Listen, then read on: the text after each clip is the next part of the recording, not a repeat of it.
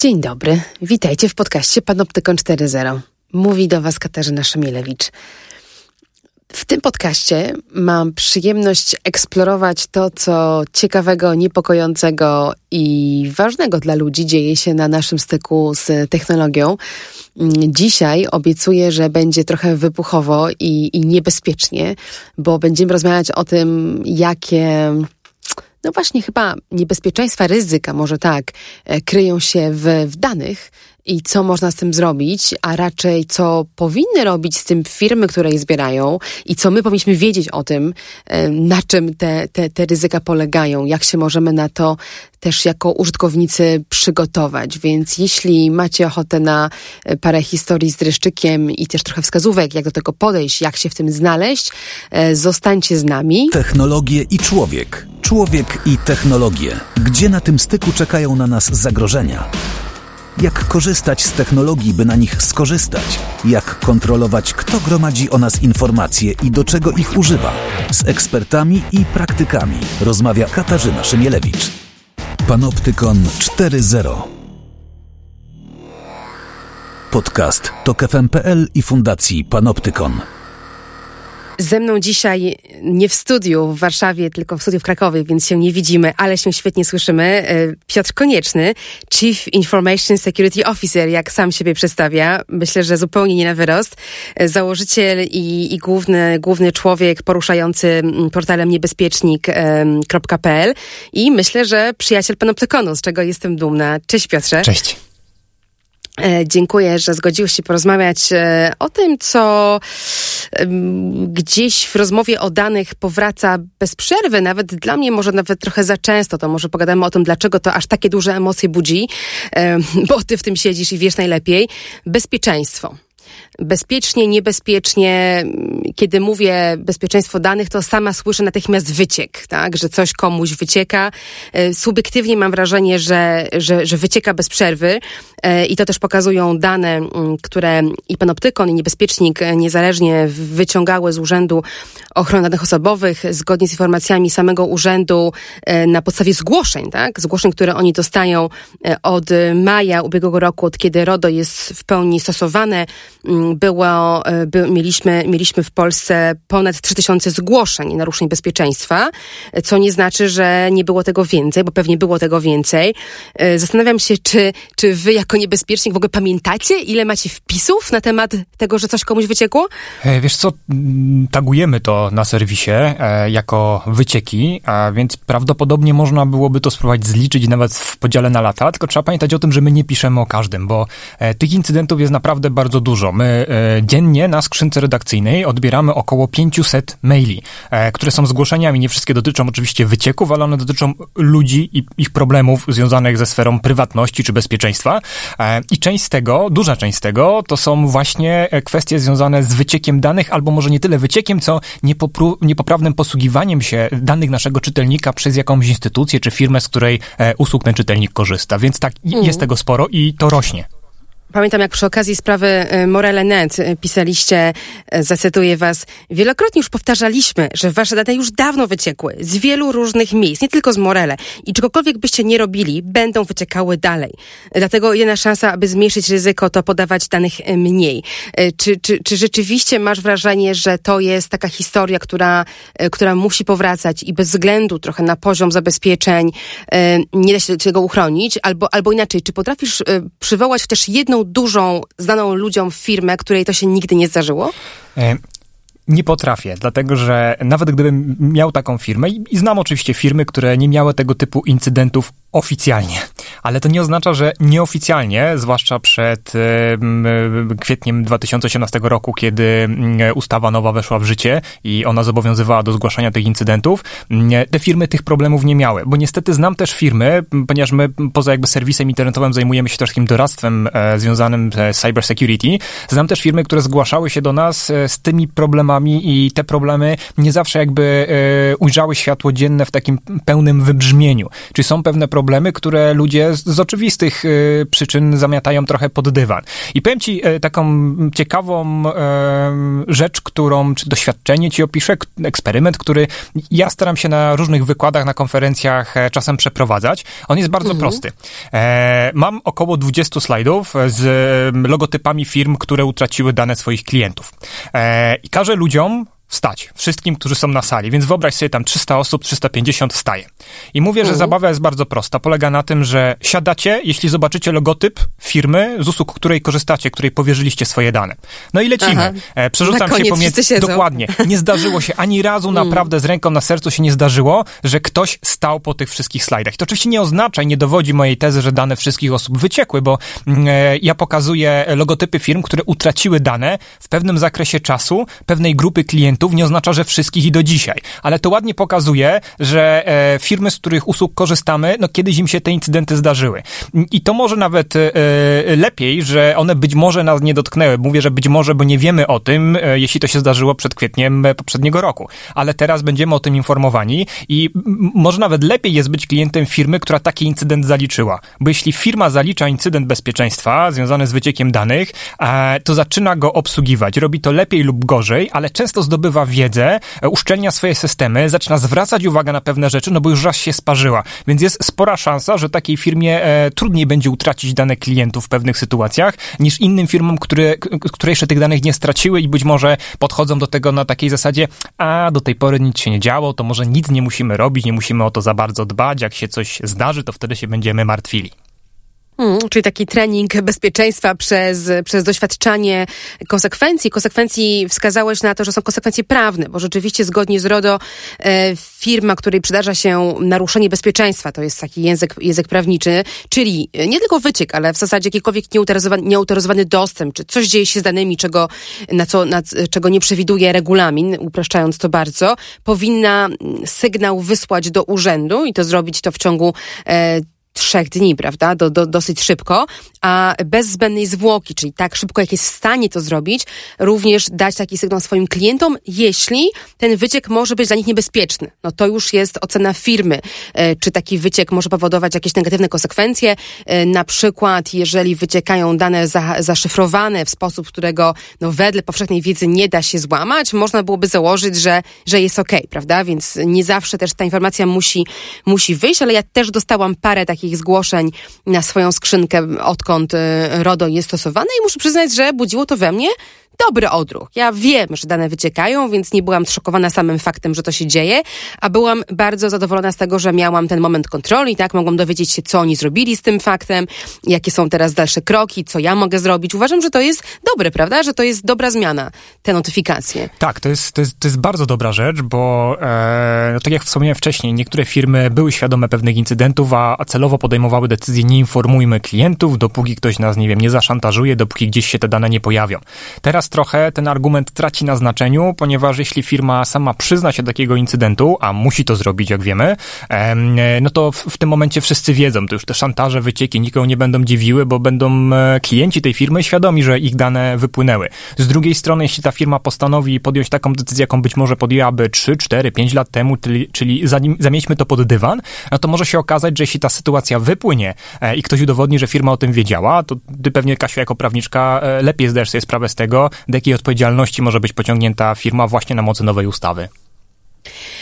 Może być, chociaż e, niedawno miałam przyjemność rozmawiać z dużą grupą programistów na, na, na konferencji Lambda Days i oni, no naturalnie jak to programiści, jak to, jak to ludzie od, e, od, od, od tworzenia infrastruktury pytali mnie o bezpieczeństwo danych, a ja trochę prowokacyjnie wtedy i, i powtórzę to teraz, e, stwierdziłam, że najmniej boję się tak naprawdę wysokich kar i odpowiedzialności firm za to, że coś im wyciekło, bo uważam, że to jest część naszej cywilizacji i jeszcze do wrócimy, bo będę ciekawa Twojego zdania, gdzie jest ta granica staranności, tak? którą firma, o którą firma musi dbać, a gdzie już można uznać, że no cóż, zrobiliście co mogliście, nie udało się, trudno. Myślę, że organy ochrony danych mają to rozumienie, a to, co jest w RODO o wiele wyżej postawione i co mnie bardziej niepokoi, to odpowiedzialność firm za zbieranie danych, których nie potrzebują, albo za robienie z danymi rzeczy niebezpiecznych własnymi rękami. Tak? Czyli to, do czego zmierzam, to jest to, że, że w moim odczuciu, i jestem bardzo ciekawa tego, jak ty na to patrzysz, bezpieczeństwo informacji jest dużo szerszym problemem niż to, czy coś komuś wycieka e, i zaczyna się w momencie decyzji, co w ogóle będziemy zbierać, po co będziemy to robić, w jakim celu, tak? E, I na ile to, co robimy, jest dla naszego klienta ok, na ile to jest zgodne z jego, z jego jej oczekiwaniami. E, więc, więc tutaj, kiedy, kiedy ja myślę, wiesz, o, o, o tym, gdzie, gdzie ja się czuję niebezpiecznie, to przychodzą mi do głowy zupełnie inne kazusy. Na przykład mnie mi niepokoi, zaniepokoiło to, że Facebookowi w tamtym roku wyciekły e, w wyniku tego, co nazwali atakiem hakerskim, dane 50 milionów użytkowników. Mm, bardziej niepokoi mnie, że mniej więcej tyle samo informacji wyciągnięto z Facebooka poprzez aplikacje, e, które zupełnie legalnie w ramach Facebooka, tak, zgodnie z jego regulaminem, miały dostęp, przez długie lata miały dostęp do danych ludzi, którzy aplikacji sami nie instalowali, tylko byli znajomymi tych ludzi, którzy Mówię oczywiście o aferze, którą, którą wywołało e, Cambridge Analytica i doniesienia e, Chrisa Walliego, sygnalisty, ale to pokazało, że to jest potężny problem, tak, który w tym Facebooku działał po prostu przez kilka lat, zupełnie, wiesz, zgodnie z regulaminem. Takie sytuacje niepokoją mnie bardziej. Jak, jak ty to widzisz? Ja myślę, że to nie dotyczy tylko Facebooka, bo e, tak naprawdę no my dzisiaj w internecie, e, który jest komercyjny, tak, jesteśmy przyzwyczajeni do tego, że płacimy za różne rzeczy, kupujemy coś online. A z drugiej strony tak cholernie ciężko nam przychodzi zapłacenie za usługę typu poczta elektroniczna. No bo ona przecież od zawsze była darmowa, no to dlaczego mam za to płacić? I powoli te nasze dane, informacje z wartością, informacje z pieniądzem, nasze dane są pieniądzem, na tych danych się zarabia. Tego, wydaje mi się, przeciętni ludzie ludzie nie do końca jeszcze e, rozumieją, nie odnajdują się w tym, że dla kogoś może być wartościowe to, jakie nawyki ma dana osoba. I też nie chodzi oczywiście o to, że Facebook jest bardzo zainteresowany tym, czy Piotr Konieczny wstaje o 8 rano i idzie do siłowni, czy od razu do pracy, czy jak się porusza po mieście. Bardziej chodzi o to, żeby szerzej na to spojrzeć i zauważyć, że na przykład, nie wiem, ludzie w Polsce w porównaniu do ludzi e, w Hiszpanii e, wstają wcześniej, e, podróżują do pracy dalej i wyciągnąć na tej podstawie pewne wnioski, które oczywiście Facebook Facebookowi pomogą lepiej sprzedawać reklamy i na tym e, e, zarabiać. No i teraz pytanie, czy my e, tą część tych naszych zwyczajów, tej naszej prywatności chcemy takim firmom poświęcić. A od strony firmy to zbieranie danych to, to rzeczywiście jest duży problem. Firmy zbierają więcej danych niż powinny. Ja to widzę nagminnie, nawet teraz. Myślę, że każdy z naszych słuchaczy, jeśli kupował w internecie i kiedykolwiek korzystał z usługi odbioru takiej przesyłki poprzez paczkomat, to mógł zauważyć, że pomimo tego, że zamawia do paczkomatu, paczkomatu, to jest mhm. proszony o adres tak, zamieszkania. Tak, I często to, to jest... niedawno i byłam wściekła, nie byłam w stanie przejść dalej bez podania adresu i byłam o krok od rezygnacji z usługi, no ale w końcu tak, się dokładnie. złamałam. Wiesz, no ja na przykład wpisuję same xy, e, ale ja jestem z reguły mm. takim człowiekiem, który jak coś kupuje, to nie, nie muszę tego robić na wczoraj, mogę sobie poczekać, jak mi anulują to zamówienie i zamrożą tą gotówkę, to też nic się nie stanie i tak ją wiem, że odzyskam, bo płacę kartą i tak dalej, i tak dalej. Więc dla mnie to jest takie testowanie, tak? My jesteśmy tymi firkami bezpieczeństwa, to możemy sobie tutaj pokusić się o różnego rodzaju podejścia mm, i takie zabawy, ale spodziewam się, że normalny człowiek może być w tym momencie mm, trochę zdezorientowany, tak? No mhm. dlaczego? E, z drugiej strony ja na przykład e, e, paczkomaty wymagają numeru telefonu komórkowego, na który przesyłają informacje o tym, że przesyłka na ciebie czeka, ale robią to również na adres e-mail, który podajesz. No i ja mogę generować losowe adresy e-mail, bo to jest bardzo proste i na nich odbierać wiadomości i wiedzieć, że tym, tą daną, tym, tym adresem podzieliłem się tylko z tą jedną firmą, z tym sklepem i z paczkomatami. Jak kiedyś gdzieś dostanę na ten adres spam, to będę wiedział skąd mniej więcej te dane e, wyciekają, e, a już z numerami telefonów nie jest tak prosto dla przeciętnego człowieka, bo odkąd mamy ustawę antyterrorystyczną, no to każdy nowy numer teoretycznie wymaga od nas rejestracji, no już nawet jeśli chcielibyśmy to robić, to za każdym razem e, udanie się na stację benzynową czy do innego, innej organizacji po to, żeby zarejestrować kartę SIM jest dość kłopotliwe i tych danych jest zbieranych za dużo. Można oczywiście je podawać w okrojonym składzie. Ja o tym wiem, ja to próbuję weryfikować, ale no, no normalni ludzie raczej pewnie tego nie robią. Nasz na przykład kurier, który nas obsługuje, czyli Stonoż, już zawsze się śmieje, bo do nas, do firmy bardzo często przesyłki są zaadresowane w taki sposób, że adres jest, ale wszędzie indziej są Xy i on już nie musi patrzeć tak naprawdę kto e, w budynku, e, do kogo jest w budynku kierowana ta przesyłka, bo wie, że jak są tam Xy czy jakieś inne głupoty, to to jest z reguły do nas. Mhm. No dokładnie i mam, mam takie poczucie, że nasz telefon dzięki temu, y, przez ten proceder, który opisujesz, stał się trochę własnością publiczną. Y, dostajemy rozmaite dziwne SMS-y, które naprawdę naruszają poczucie bezpieczeństwa. Mam na myśli spam, jakieś nagabywania, tak, jakieś dziwne loterie.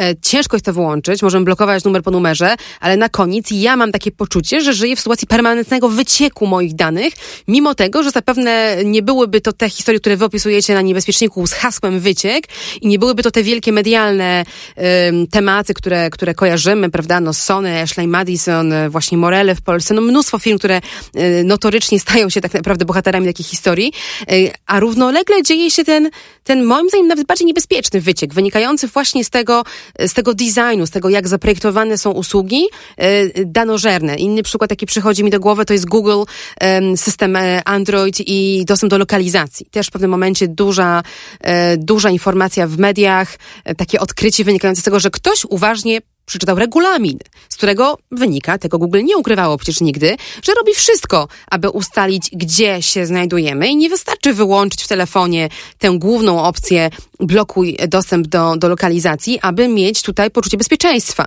E, ludzie, którzy tego dowiedzieli się bodajże wtedy z Guardiana, byli tym zszokowani. E, my to pewnie wiemy, ale rzeczywiście ten proceder ustalenia lokalizacji, e, bo ona jest informacją marketingowo-wartościową, jest nagminny, prawda? E, dokładnie. I tutaj jeszcze jeden przykład googlowy, chyba nawet bardziej tragiczny. E, Street View, z którego korzystamy, mapy. Cieszymy się, że są zdjęcia, że możemy zobaczyć, jak wygląda miejsce, do którego się udajemy, a nie znamy tej okolicy. No ale z drugiej strony, mało kto wie, że te Google Car, które jeździły jeszcze parę lat temu po polskich i, i, i innych ulicach w innych e, krajach, one miały też e, odpowiednią antenę, którą nagrywały sobie nazwy sieci Wi-Fi, które w danej okolicy się rozgłaszały, czyli nasze domowe Wi-Fi mogło zostać odebrane z MAC adresem e, zapisane i wskazane na konkretnej mapie, co zresztą tak naprawdę robi dzisiaj i tak każdy telefon komórkowy każdego producenta, bo te mm, SSID, czyli nazwy sieci Wi-Fi są wykorzystywane do takiej szybszej lokalizacji, zanim GPS na telefonie mm, zaskoczy. No ale to jest jakby wykorzystanie też czegoś, co wydaje nam się, że no, moja nazwa sieci, może dowcipna, może czasem dość wulgarna, bo takie też są, e, no jest moja. A tutaj się okazuje, że można to powiązać z konkretną osobą, można zauważyć, gdzie ta osoba bywa, gdzie ten sprzęt e, przenosi i jakieś urządzenie urządzenie Google'a, które jest zamontowane na samochodzie, e, jeździ i sobie zrzuca te dane, nagrywa ten e, ruch z sieci, zwłaszcza z sieci, które na przykład wtedy nie były jeszcze szyfrowane i to też firma jakby na tym e, zarabia. No i teraz pytanie, czy takie metadane no, będą stanowiły wartość dla tej firmy? Tak, na pewno. A czy utrata tych metadanych przez nas będzie taka dotkliwa i czy w ogóle będziemy świadomi, że my te dane w jakiś sposób straciliśmy? Pamiętam, że kiedy to wyszło na jaw, to Google powiedziało, no ale przecież to nie jest żaden problem. Słuchajcie, wy możecie możecie sobie zmienić nazwę sieci Wi-Fi w taki sposób, żeby dodać do niej podkreślenie dolne no map i my wtedy takie sieci ignorujemy. Mm. No to fajnie Google, dzięki, tylko może byśmy to zrobili w drugą stronę, tak? Wszystkie sieci są zablokowane, Aha. a jak ktoś chce, żebyście e, tą lokalizację tej sieci wykorzystywali do, do, do, dostarczania swoich usług komercyjnych, no to może wtedy niech doda YesMap, tak? Czy coś w mhm. tym stylu. Dokładnie. No, a oczywiście wiemy, że to nie nastąpi, tak? Bo to no, biznes jest biznes i, i firmy tutaj wykorzystują e, możliwości, które mają. To też nie jest e, tak naprawdę nielegalne z punktu widzenia prawa, czyli y, monitorowanie pasma, poczekaj, które... Poczekaj, moim zdaniem RODO tutaj absolutnie wchodzi, a jak nie RODO, to za chwilę będziemy mieli kolejne, kolejną drugą nogę RODO, czyli rozporządzenie o, o e-prywatności,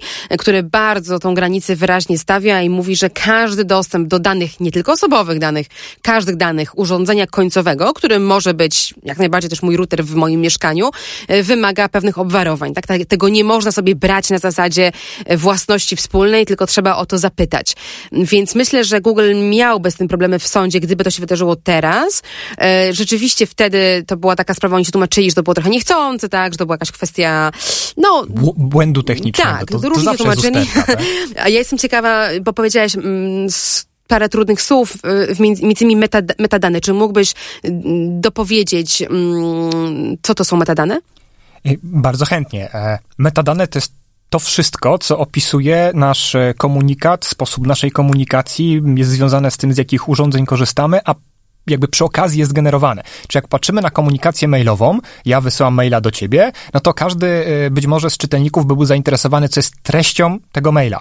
Ale wcale e, ta treść może nie być istotna, jeśli jesteśmy jakimś ciałem nadzorującym e, służbami albo chociażby takim Google, e, Googlem, dlatego że mm, z punktu widzenia tych instytucji i firm bardziej interesujące może być tylko to, że między nami jest jakaś relacja, że my często mhm. wymieniamy te wiadomości, kiedy je wymieniamy i że w ogóle się znamy, tak? I kogo jeszcze znamy. To są metadane. Nie sam komunikat, jego treść, tylko te rzeczy, kiedy mail został wysłany, do kogo e, i parę innych dodatkowych, na przykład to, że ja tego maila wysłałem z telefonu takiego i takiego producenta, to opisuje w jakiś sposób moją osobę. Myślę, że na, najdobitniej ten przykład e, przedstawił jeden z generałów amerykańskiej armii, który w wywiadzie powiedział, my na podstawie metadanych bombardujemy ludzi. Mhm. Dlatego, że oni nie zawsze, e, Amerykanie, podczas prowadzenia swoich działań e, wojskowych, mają treść komunikacji wymienianej pomiędzy, nazwijmy to jakimiś grupami terrorystycznymi, tak? Ale oni wiedzą, gdzie ta grupa ten komunikat nadała i to im wystarczy do tego, żeby w to miejsce skierować e, konkretne rakiety czy jakieś e, inne działania, które są ofensywne i które w konsekwencji mogą spowodować wyeliminowanie takiego celu, mówiąc już terminologią wojskową. No ja też często podaję przykład z, wzięty z Edwarda Snowdena, e, który, również amerykański przykład, który mówił, że dla szpiegów metadane są najważniejsze, bo one nie kłamią. My możemy się umówić na jakiś format korespondencji, możemy czegoś unikać, prawda, sobie coś, coś szyfrować, jakieś kody używać w tym, jak się, w tym, co mówimy sobie, ale sam fakt, że się komunikujemy i gdzie jesteśmy rzeczywiście jest e, trudny do zafałszowania, więc ten przykład, który podałaś z, z, z sieciami Wi-Fi i, i, ich mapowaniem, no rozumiem, że też jest z tego poziomu, prawda? Google Ma... był w stanie ustalić, gdzie jaka sieć ym, ma zasięg i dzięki tej wiedzy później, tak, czy ja dobrze to rozumiem, później potrafi połączyć to i powiedzieć, o, człowiek, jego telefon mijał tę, tę właśnie sieć, a my wiemy skądinąd, gdzie ona się znajduje, więc wiemy, gdzie był ten człowiek. Tak, dokładnie. Możliwości technicznych jest, e, jest wiele. Myślę, że e, na, na tym poziomie, jakbyśmy zaczęli rozmawiać, to pewnie część z naszych słuchaczy teraz wyłączy odbiorniki, więc Nie. może sobie to... E, może sobie Zostańcie to, z nami. Tak, da, darujmy, ale podam ci jeszcze lepszy przykład pokazujący metadane i taki dość, powiedziałbym, widowiskowy, przemawiający do wyobraźni. W uproszczeniu była historia dwóch studentów, którzy mieszkali razem w akademiku. Jeden z nich miał dziewczynę, drugi tej dziewczyny nie miał, ale bardzo chciał ją mieć, więc postanowił wyeliminować swego konkurenta i po prostu go zabił. A, no, tę samą się... chciał mieć. Tak, Myślałam, tą samą. E, stało się, e, zabił swojego współlokatora, no i zawinął go w dywan, e, wsadził w samochód i chciał za, zawieźć go do lasu i zakopać. Tak? No, powiedzmy, że jest to dobry kierunek myślenia. Pooglądał trochę filmów kryminalnych. Mhm. Tak, ale on był jeszcze studentem telekomunikacji IT, więc on sobie zdawał sprawę z tego, że jeśli będzie mieć w tym momencie telefon w kieszeni, i zacznie zawozić tego swojego e, współlokatera, już nieżyjącego, do lasu i go tam zakopie, to na różnych BTS-ach, które mija po drodze, e, po, po drodze, odłoży się informacja o tym, że on poruszał się w tym kierunku. No i na jaki genialny pomysł wpadł. Przełączył y, swoje urządzenie w tryb samolotowy, czyli odciął się od nadajników. Mhm. Taki telefon był w tym momencie bezużyteczny i niewidziany przez sieć. Dojechał do lasu, zakopał swojego kolegę, ale okazało się, że kiedy go zakopywał, no to nie doszacował tego, ile czasu zajmuje wykopanie takiego grobu właśnie może na hollywoodzkich filmach to zawsze jest e, dwie minuty, jemu zajęło to więcej, no i się ściemniło. Jak się ściemniło, okazało się, że on nie ma żadnej latarki, a jest w środku lasu, więc zaczął sobie przyświecać latarką w telefonie. Dalej w trybie samolotowym był ten telefon. Mhm. E, kiedy skończył sprawę i wrócił do akademika, oczywiście kolegi nie można było zlokalizować, e, wyszła sprawa na jaw, zaczęły się przesłuchania, pojawił się motyw, że być może on, jako współlokator, maczał w tym palce, policja zaczęła to wszystko analizować, no i ktoś postanowił rzucić okiem na jego telefon i na bilingi od strony operatora. I co się okazało? Okazało się, że jak człowiek ma telefon komórkowy, to przez 8 lat cały czas ten telefon komórkowy jest włączony. A tak się dziwnie składa, że kiedy ginie jego współlokator, to w tym momencie na mhm. 5 godzin telefon znika z całej sieci. No, on się tłumaczył w ten sposób, że bateria mi padła. No i to może się zdarzyć, tak? Wtedy też telefon znika z tej sieci. Nie można kogoś posadzić za morderstwo na podstawie takiej, e, takiego poszlakowego dowodu, jak no, padł mu telefon, tak? I to nam się tylko spina. To mógł być przypadek. Ale śledczy zaczęli zaglądać w jego telefon i zauważyli, że kiedy ten telefon rzekomo miał rozładowaną baterię, hmm. no to latarka, latarka, została 8 razy włączona. No i to już złamało tego człowieka. On przyznał się do mm, e, popełnienia tego morderstwa. Więc to jest, to jest historia, która pięknie świetnie pokazuje, że po pewnych śladach, które zostawiamy w dzisiejszym świecie, możemy zbudować sobie historię, której wprost nie widzimy, domyślić się wielu rzeczy i to jest właśnie element tych metadanych. My nie do końca musimy wiedzieć, kto co zrobił. My, jeśli osadzimy to w czasie, w przestrzeni i zbierzemy kilka takich poszlak, to bardzo łatwo możemy ułożyć pewien e, ciąg przyczynowo-skutkowy, czy też tak zwany timeline e, wydarzeń, który nam odpowie na pytania, które mamy w związku z danym incydentem. E, wciągnąłeś mnie w tą historię e, kompletnie. Mam nadzieję, że ci, którzy e, mieli, poczuli się zagubieni, kiedy mówiliśmy o lokalizacji wcześniej, teraz słuchając nas są równie, równie, równie rozmarzeni jak ja i widzą to, jakby to było przed nami. Mm, ja mam inny jeszcze przykład tego, jak bardzo nasze dane mm, no, mapują nasze życie, tak? I potrafią być niebezpieczne. I to się dzieje w mojej wyobraźni co sekundę. Mam na myśli zjawisko, które opisywaliśmy niedawno w raporcie o reklamie behawioralnej, które Panoptykon wypuścił w, w styczniu, e, mówimy o nieustannym wycieku tak naprawdę danych, które e, strony, strony mediów, na które wchodzimy, strony gazet bardzo często, strony sklepów, na, na, na które wchodzimy, mm, publikują, tak to można powiedzieć obrazowo, czy e, po prostu wrzucają na giełdy reklamowe. Tak? Więc każda taka nasza wizyta na stronie, na której ma się wyświetlić, reklama targetowana do nas, zanim tam mikrosekundę, zanim to wyświetlenie nastąpi, wysyła sygnał do, do, do całej sieci podmiotów, może być ich kilkaset w danym momencie, mówiący hej, mam takiego użytkownika o takich cechach, prawda? I te cechy to może być nawet pełen, e, pełen link, e, tak zwany URL, czyli link prowadzący do strony, na którą, na którą wchodzę, ujawniający, że szukałam sekundę czy dwie sekundy temu, szukałam informacji o rzadkiej chorobie, albo o zaburzeniu psychicznym, albo o tym, jak zakopać ciało e, w ogródku, tak? Więc jakby to wszystko leci do sieci reklamowych.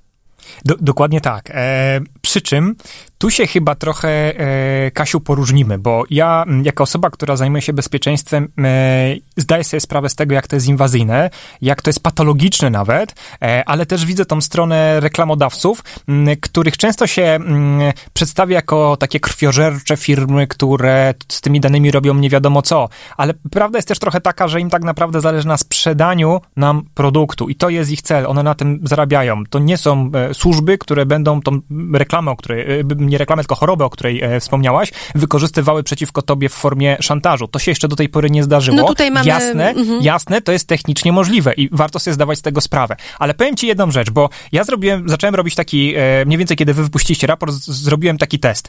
E, ja sobie, tak jak wszystkie reklamy miałem wycięte, no skrypty w przeglądarce włączone i generalnie dbałem o swoją prywatność w internecie i brak profilowania maksymalnie, łącznie ze zmianą adresu w IP, skakaniem po VPN-ach, no, paranoiczne podejście, tak? to w tym momencie i na Facebooku, i na Google, i w każdym innym miejscu włączyłem sobie profilowanie reklam, czyli odznaczyłem te wszystkie zakazy przetwarzania moich danych. I mhm. muszę ci powiedzieć, że mm, jakby jestem świadomy tego eksperymentu, wiem na co się pisze, wiem jakie mogą być konsekwencje, tak? Jak mam wyszukać jakąś, powiedzmy, chorobę, na którą choruję, to jednak zrobię to z innego urządzenia, bo tutaj moja analiza ryzyka wewnętrzna powie, nie, tego jednak nie chcę im dawać do zbioru, ale inne rzeczy, e, które realizuję w internecie w ciągu dnia, e, one się oczywiście odkładają. I teraz akurat yy, szukam pewnego zestawu nagłośnieniowego, e, dokształcam się w, w, w tematach audio e, i to bardzo pięknie widać, jak reklamy, które widzę w różnych miejscach, nawet teraz e, przyszły przed jeden z mikrofonów, patrzę sobie na maila od paczkomatu, przechodzę na stronę docelową, pod spodem reklamy, inne zestawy nagłośnieniowe. I to jest, to jest coś, czego ja teraz szukam i to jest coś, co mnie interesuje. I powiem ci, że jest coś przyjemnego i dobrego w tym, że ja widzę te reklamy sprofilowane. Do tej pory, przez, w zasadzie od początku internetu, kiedy korzystam, widziałem reklamy niesprofilowane i je ignorowałem, całkowicie je ignorowałem. Teraz muszę się przyznać, klikam w te reklamy, bo to są naprawdę te produkty, których poszukuję, a produkty, e, które po części giną w gąszczu różnych rzeczy. Jeśli nie znasz jakiejś branży, tak jak ja jestem zupełnym laikiem w świecie audio, to się zastanawiasz, czy ten mikrofon pasuje do tego kabla i tak dalej. A tutaj nagle, wiesz, jest, jest reklama tego produktu, którego szukałeś, czy takiego, który po zdjęciu, czy opisie wygląda na to coś, co, co mogłoby cię zainteresować, tak? I wow, odkrywasz nowe rzeczy, więc ja jestem trochę zafascynowany tym e, pod takim kątem pozytywnym. A widzisz, to cieszę e, się, że nasz też... raport zaintrygował cię do tego eksperymentu. Zatrzymam cię w tym, bo to jest jednak inna rozmowa, do której bardzo chętnie e, za jakiś czas wrócę, bo my temat reklam e, będziemy w tym roku na pewno w Panoptykonie i też w tym podcaście pogłębiali. Ja też tak uważam, że reklama jako taka wcale nie musi być zła, ona może być usługą i bardzo chętnie bym wymyślała i będziemy jej wymyślać takie mechanizmy dopasowania reklam, które są właśnie idą w tym kierunku, którym ty mówisz, tak? Czyli y, ja jako użytkownik wybieram, jakie informacje wypuszczam, kto je dostaje i co z tym robi. Moim zdaniem to jest świetny kierunek pokazujący, jak mechanizm przekazywania danych może być kontrolowany.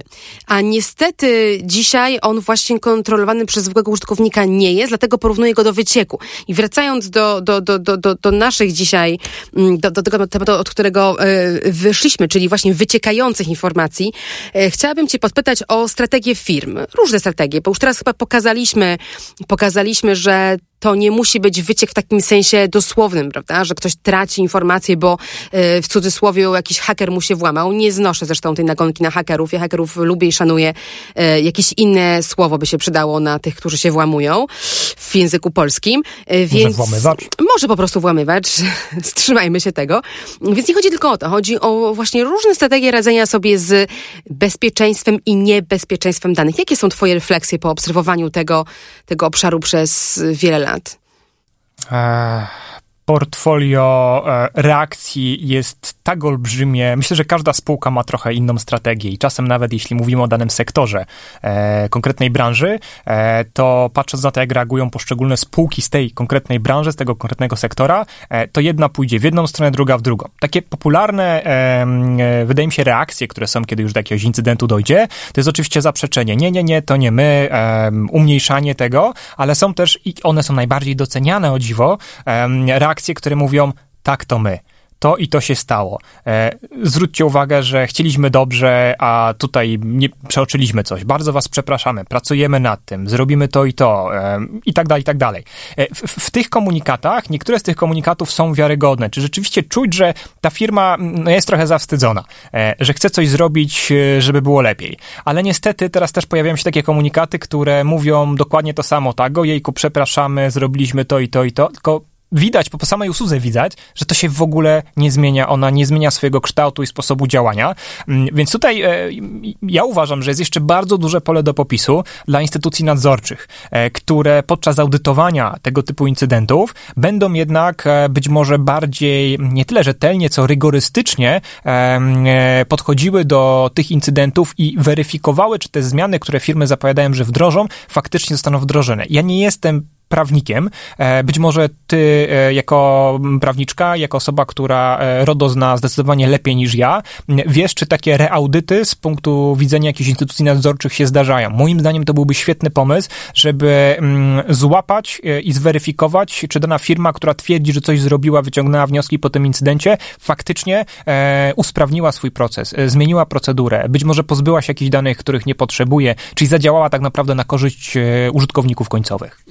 No jeszcze za wcześnie, żeby powiedzieć, jak będzie, czy będą reaudyty, czy będzie Urząd Ochrony Danych Osobowych wracał po, po kontrolach. Na pewno wiemy, że no, reaguje na, na zgłoszenia, które dostaje, przekazuje nam, kiedy pytamy dane o tym, ile takich zgłoszeń było. E, co ciekawe, cytujecie to na stronie niebezpiecznika, e, okazuje się, że e, są administratorzy w Polsce, którzy zgłaszają bardzo często, co urząd chyba trochę dziwi, tak, że są nadgorliwi w tych zgłoszeniach, że coś poszło nie tak. Ups, znowu, znowu się wysypaliśmy z danymi. Mm, czyli wydaje się, że mniej obawiają się firmy w Polsce e, reakcji tego urzędu, prawda, tego, że on przyjdzie z karą, e, niż tego swojego przemilczenia. E, więc jak będą wyglądały kontrole i czy będą wracały, to, to, to jeszcze przed nami. Ja też mam nadzieję, że tak będzie, tak, że to będzie kontrolowane ponownie, bo tylko wtedy ma sens. Natomiast RODO, sam ten akt prawny ma wbudowane takie podejście procesowe.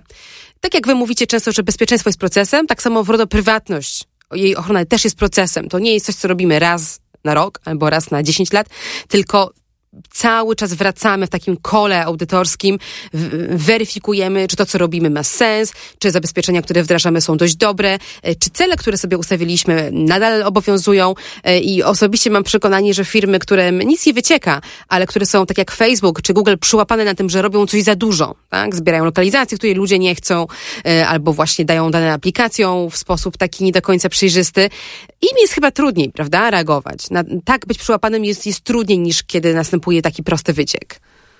E, no, no, Facebook myślę, że ma taką armię specjalistów e, nie tylko od prywatności, bezpieczeństwa e, i, i samego w ogóle ustawodawstwa prawnego w różnych krajach czy częściach świata, że naprawdę świetnie monitoruje. Także też byłem na przykład trochę zdziwiony tym, że pan Mark Zuckerberg we liście otwartym do w zasadzie do wszystkich użytkowników Facebooka zaczął jakby zauważać prywatność. To mnie zdziwiło, że dopiero teraz, tak? No hello, trochę czasu minęło ale dobrze, lepiej późno niż wcale, tak? Facebook mm, i, i tutaj też e, niezależnie od tego, jaki mamy stosunek do tej firmy, e, powinniśmy zwrócić uwagę na to, że e, oni jednak, chociaż trochę za kołnierzem mają, to kiedy takie incydenty się zdarzają, reagują, faktycznie te zmiany wprowadzają. No może są to i te tak zwane dark patterns, czyli ustawienia prywatności są celowo tak ujmowane, żeby jednak jak najmniej osób do nich dotarło i je przestawiło, ale jeśli ktoś jest świadomy, to może tam dotrzeć i może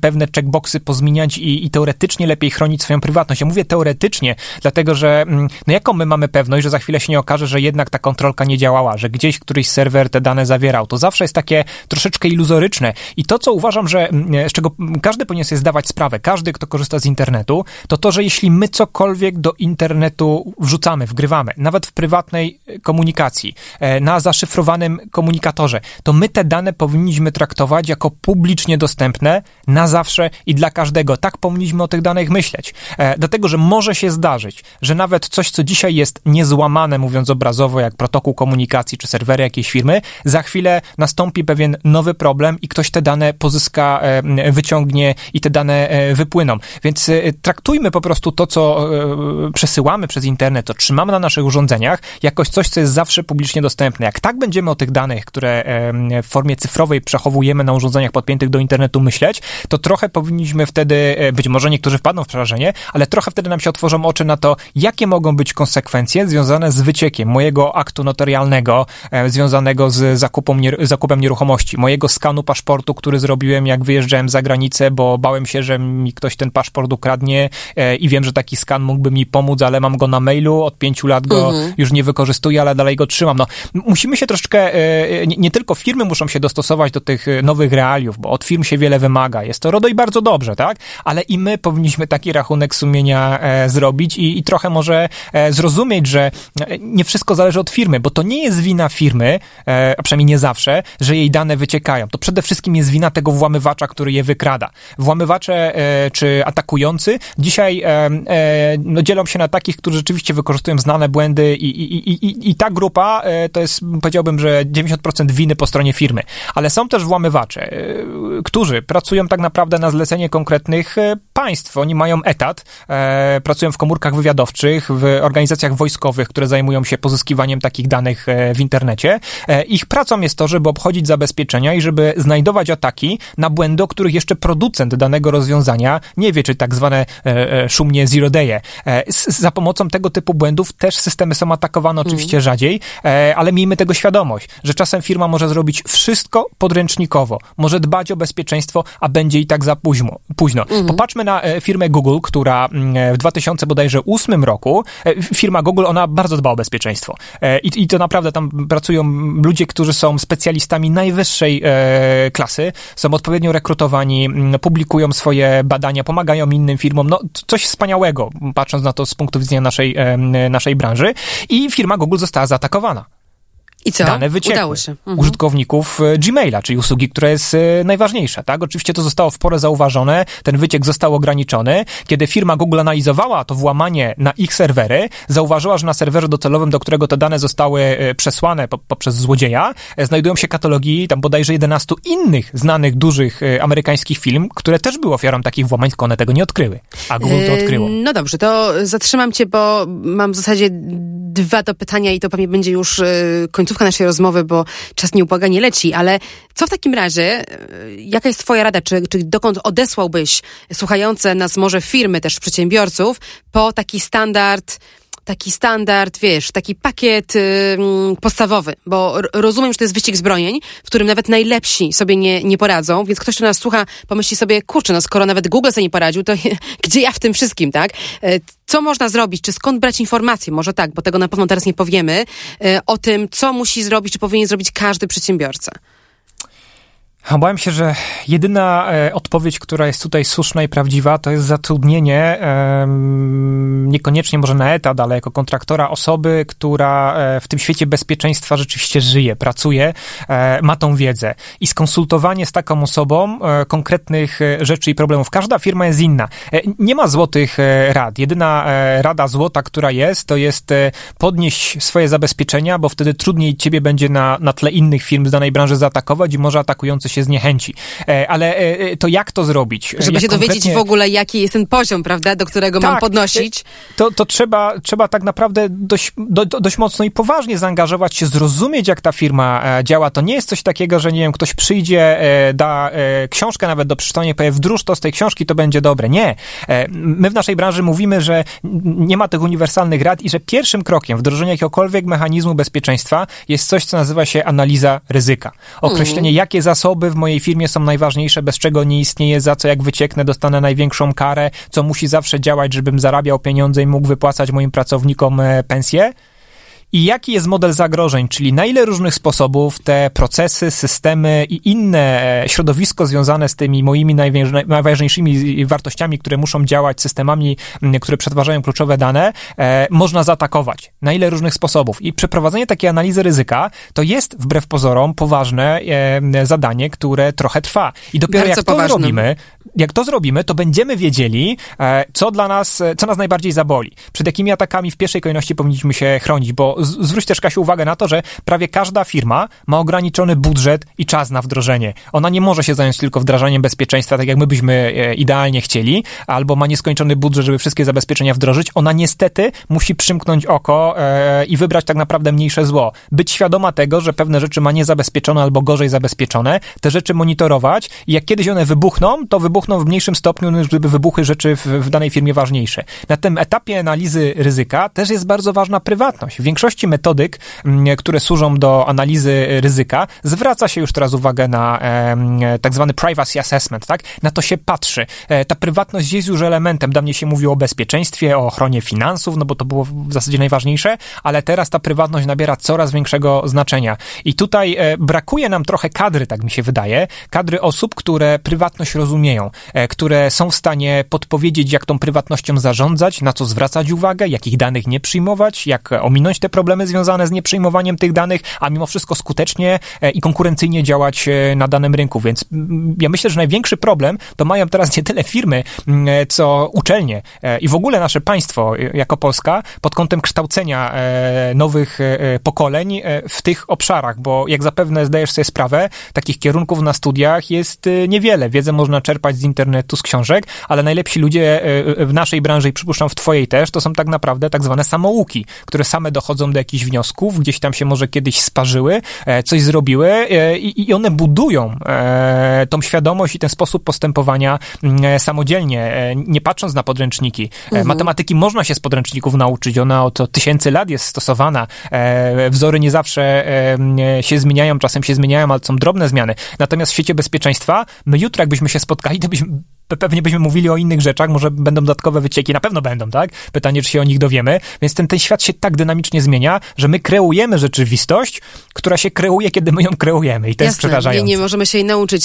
E, no, cieszę się, że to powiedziałeś, bo to właściwie konsumuje to, co chciałam cię dopytać e, i, i też e, ewangelizacyjnie z, z, mojej strony dorzucić właśnie, właśnie tę myśl, tak? Że, że ten cykl analizy ryzyka, ten cykl zarządzania, do którego namawiamy wszystkie firmy, które, które chcą poważnie podejść do bezpieczeństwa, bezpieczeństwa e, czy prywatności, to jest ten sam cykl, prawda? To jest ten sam proces zarządczy, e, który trzeba powtarzać i w którym pytanie pierwsze to jest po co bierzemy te informacje i jakie te informacje i co zamierzamy z nimi zrobić, a dopiero kolejne to jest jakie zabezpieczymy i czy to będzie działało. E, po drodze jeszcze jest pytanie o to, czy potrafimy na przykład zrealizować prawa naszych klientów. Jak do nas przyjdą po swoje informacje, jak przyjdą do nas, żeby coś skasować, albo poprawić, albo przenieść do innej usługi, bo do tego RODO też daje prawa, czy będziemy umieli to zrobić. Więc to są te pytania, które absolutnie, e, tak jak i ty uważam, że trzeba w, w każdej firmie, w każdym przedsiębiorstwie, organizacji powtarzać w kółko co jakiś czas i to jest ten sam e, proces. Więc wracając do tego, co mówiłeś, taka przestroga dla,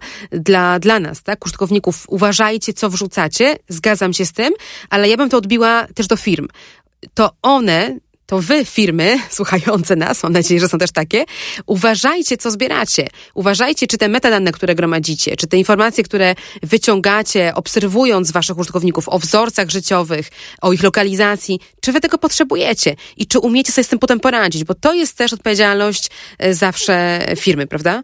Czy tak zwane toksyczne dane, ale tu ja bym dodał jeszcze jedną rzecz a propos tego, skąd, skąd tą wiedzę czerpać, bo nie wiem, czy podzielasz moje zdanie, ale e, dawne GIODO, obecnie UODO w Polsce e, działa moim zdaniem całkiem sprawnie w e, obszarze edukacji. Materiały, które publikują e, są bardzo sensowne, przystępne i można zaglądać i zachęcam do tego, żeby zaglądać na e, strony tej instytucji i też czerpać wiedzę. E, zdarzyło mi się słyszeć o takich sytuacjach, kiedy dana firma miała pewien dylemat, nie za bardzo wiedziała, kogo się poradzić i o tą, tą poradę, mm, no tak zupełnie w sposób, powiedzmy, niezwiązany kierowała do UODO i uzyskiwała informacje. Zresztą chyba nawet jest jakaś infolinia, tak, jest, jest. z której można skorzystać róbmy to. Lepiej zapytać, e, kto pytanie błądzi, e, mhm. niż później rzeczywiście mieć problem z tymi toksycznymi danymi, e, o których ty mówisz, czy podjąć jakieś decyzje, które być może teraz dla nas nie są ważne i mówimy, dobra, rozwiążemy to później, ale e, każdy z nas pracujący w IT wie, że jak się podejmie jedną decyzję, wokół tej decyzji obuduje się inne systemy, to później zmiana czegoś takiego po czasie jest strasznie ciężka. E, I nawet często firmy, ten, ten tak zwany legacy code, ten dług technologiczny spłacają e, w bólu, ponieważ no ciężko jest zmienić zmienić coś, co jak zmienimy w jednym miejscu, to tak naprawdę doskonale e, e, nie do końca wiemy, e, w ilu różnych innych systemach ta zmiana spowoduje jakieś problemy, więc może lepiej tego nie dotykać. Znane powiedzenie, działa, nie dotykaj. Porad, tak, i absolutnie te, te, same porady mamy w Panoptykonie opracowane w naszym takim no, poradniku, przewodniku, jak wdrażać RODO, gdzie również jest dokładnie to podejście. Zacznij od właściwych decyzji, pomyśl zanim wdrożysz i zrobisz, bo potem będzie dużo trudniej to zmienić, więc cieszę się, że mówimy tym samym głosem, chociaż z różnych perspektyw, bo to chyba pokazuje, że, że warto, tak? Warto posłuchać e, właśnie tego podejścia, e, być może trochę, może trochę wolniej się poruszać w tym, może trochę częściej stawiać pytania, e, ale unikać błędów, które potem są kosztowne, bo trzeba to łatać, naprawiać, zmieniać, a może i nawet liczyć się z karą. No właśnie, to mo no może właśnie. być i, ter od teraz mogą być jeszcze bardziej kosztowne, chociaż mhm. nie wiem, czy rzeczywiście jakieś kary zostały nałożone, ale pewnie prędzej czy później w Polsce, w Polsce jeszcze nie, ale, już tak. ale tak, za granicą już tak. Nawet mhm. Google dostał taką na zachętę dosyć niską 50 e, milionów euro na razie tylko, Psi. ale w Polsce, w Polsce, w Polsce to nas, to przed nami i wiemy też z konferencji prasowej prezes Łodo, że pierwsza kara nadchodzi. O. E, zobaczymy, będziemy ją pewnie komentować i, i Panoptykon Niebezpiecznik. Ja bardzo cieszę się, że dzisiaj się spotkaliśmy w tym podcaście, bo idziemy ramię w ramię w tym obszarze się w fajny sposób uzupełniamy, więc dziękuję Ci Piotrze, że zgodziłeś się porozmawiać. To był szybki przelot przez różne wątki dotyczące bezpieczeństwa informacji, tego jak w ogóle ten temat mapować, jak go rozumieć, tak? Szerzej niż wycieki danych. W zasadzie e, po prostu mówiliśmy i o prywatności, i o bezpieczeństwie, bo to jest trochę jedno i to samo. Nierozerw nierozerwalnie, nierozerwalnie. Związo związane ze sobą, tak, tak. Często tak, ciężko jest więc... wytyczyć tą granicę, gdzie zaczyna się jedno, kończy się drugie, a z reguły zmiana w jednym ma wpływ na e, aspekty drugiego. Więc tak właśnie, właśnie tak was zachęcamy do takiego myślenia, żeby, żeby razem z nami w ten sposób o, o danych myśleć. E, a ja dzisiaj dziękuję Ci strasznie za tę rozmowę i dziękuję Wam, że byliście z nami, mimo tego, że no, rzeczy techniczne czasami trudne do wyobrażenia, e, więc e, mam nadzieję, że udało nam się przebić, mimo że to tylko dźwięk, dzisiaj bez obrazu, ale na naszych stronach internetowych znajdziecie też wszystkie obrazki, które mogą Wam pomóc sobie to zwizualizować. Zachęcam, wracajcie, bądźcie z nami, piszcie do nas, jeśli macie sugestie do podcastów, to jest podcast Panoptykon 4 2.0. Moim gościem był Piotr Konieczny. Dzięki serdeczne. Dziękuję bardzo. Pozwólcie jeszcze tylko, że zrobię drobne ogłoszenie. Fundacja Panoptykon w coraz większym stopniu jest wspierana środkami od ludzi, którzy czują naszą misję, od takich osób jak wy, Chodzi także o 1%, który można nam przekazywać w ramach rozliczenia swojego podatku. Zachęcam do tego, żebyście zapoznali się z tym, co robimy, co nam się udało przez ostatnie prawie 10 lat. E, zapraszam na stronę panoptykon.org ukośnik Wolność się liczy. A mówiła Katarzyna Szemilewicz. Do usłyszenia. Technologie i człowiek. Człowiek i technologie. Gdzie na tym styku czekają na nas zagrożenia? Jak korzystać z technologii, by na nich skorzystać? Jak kontrolować, kto gromadzi o nas informacje i do czego ich używa? Z ekspertami i praktykami rozmawia Katarzyna Szymielewicz. Panoptykon 4.0 Podcast to KFM.pl i Fundacji Panoptykon.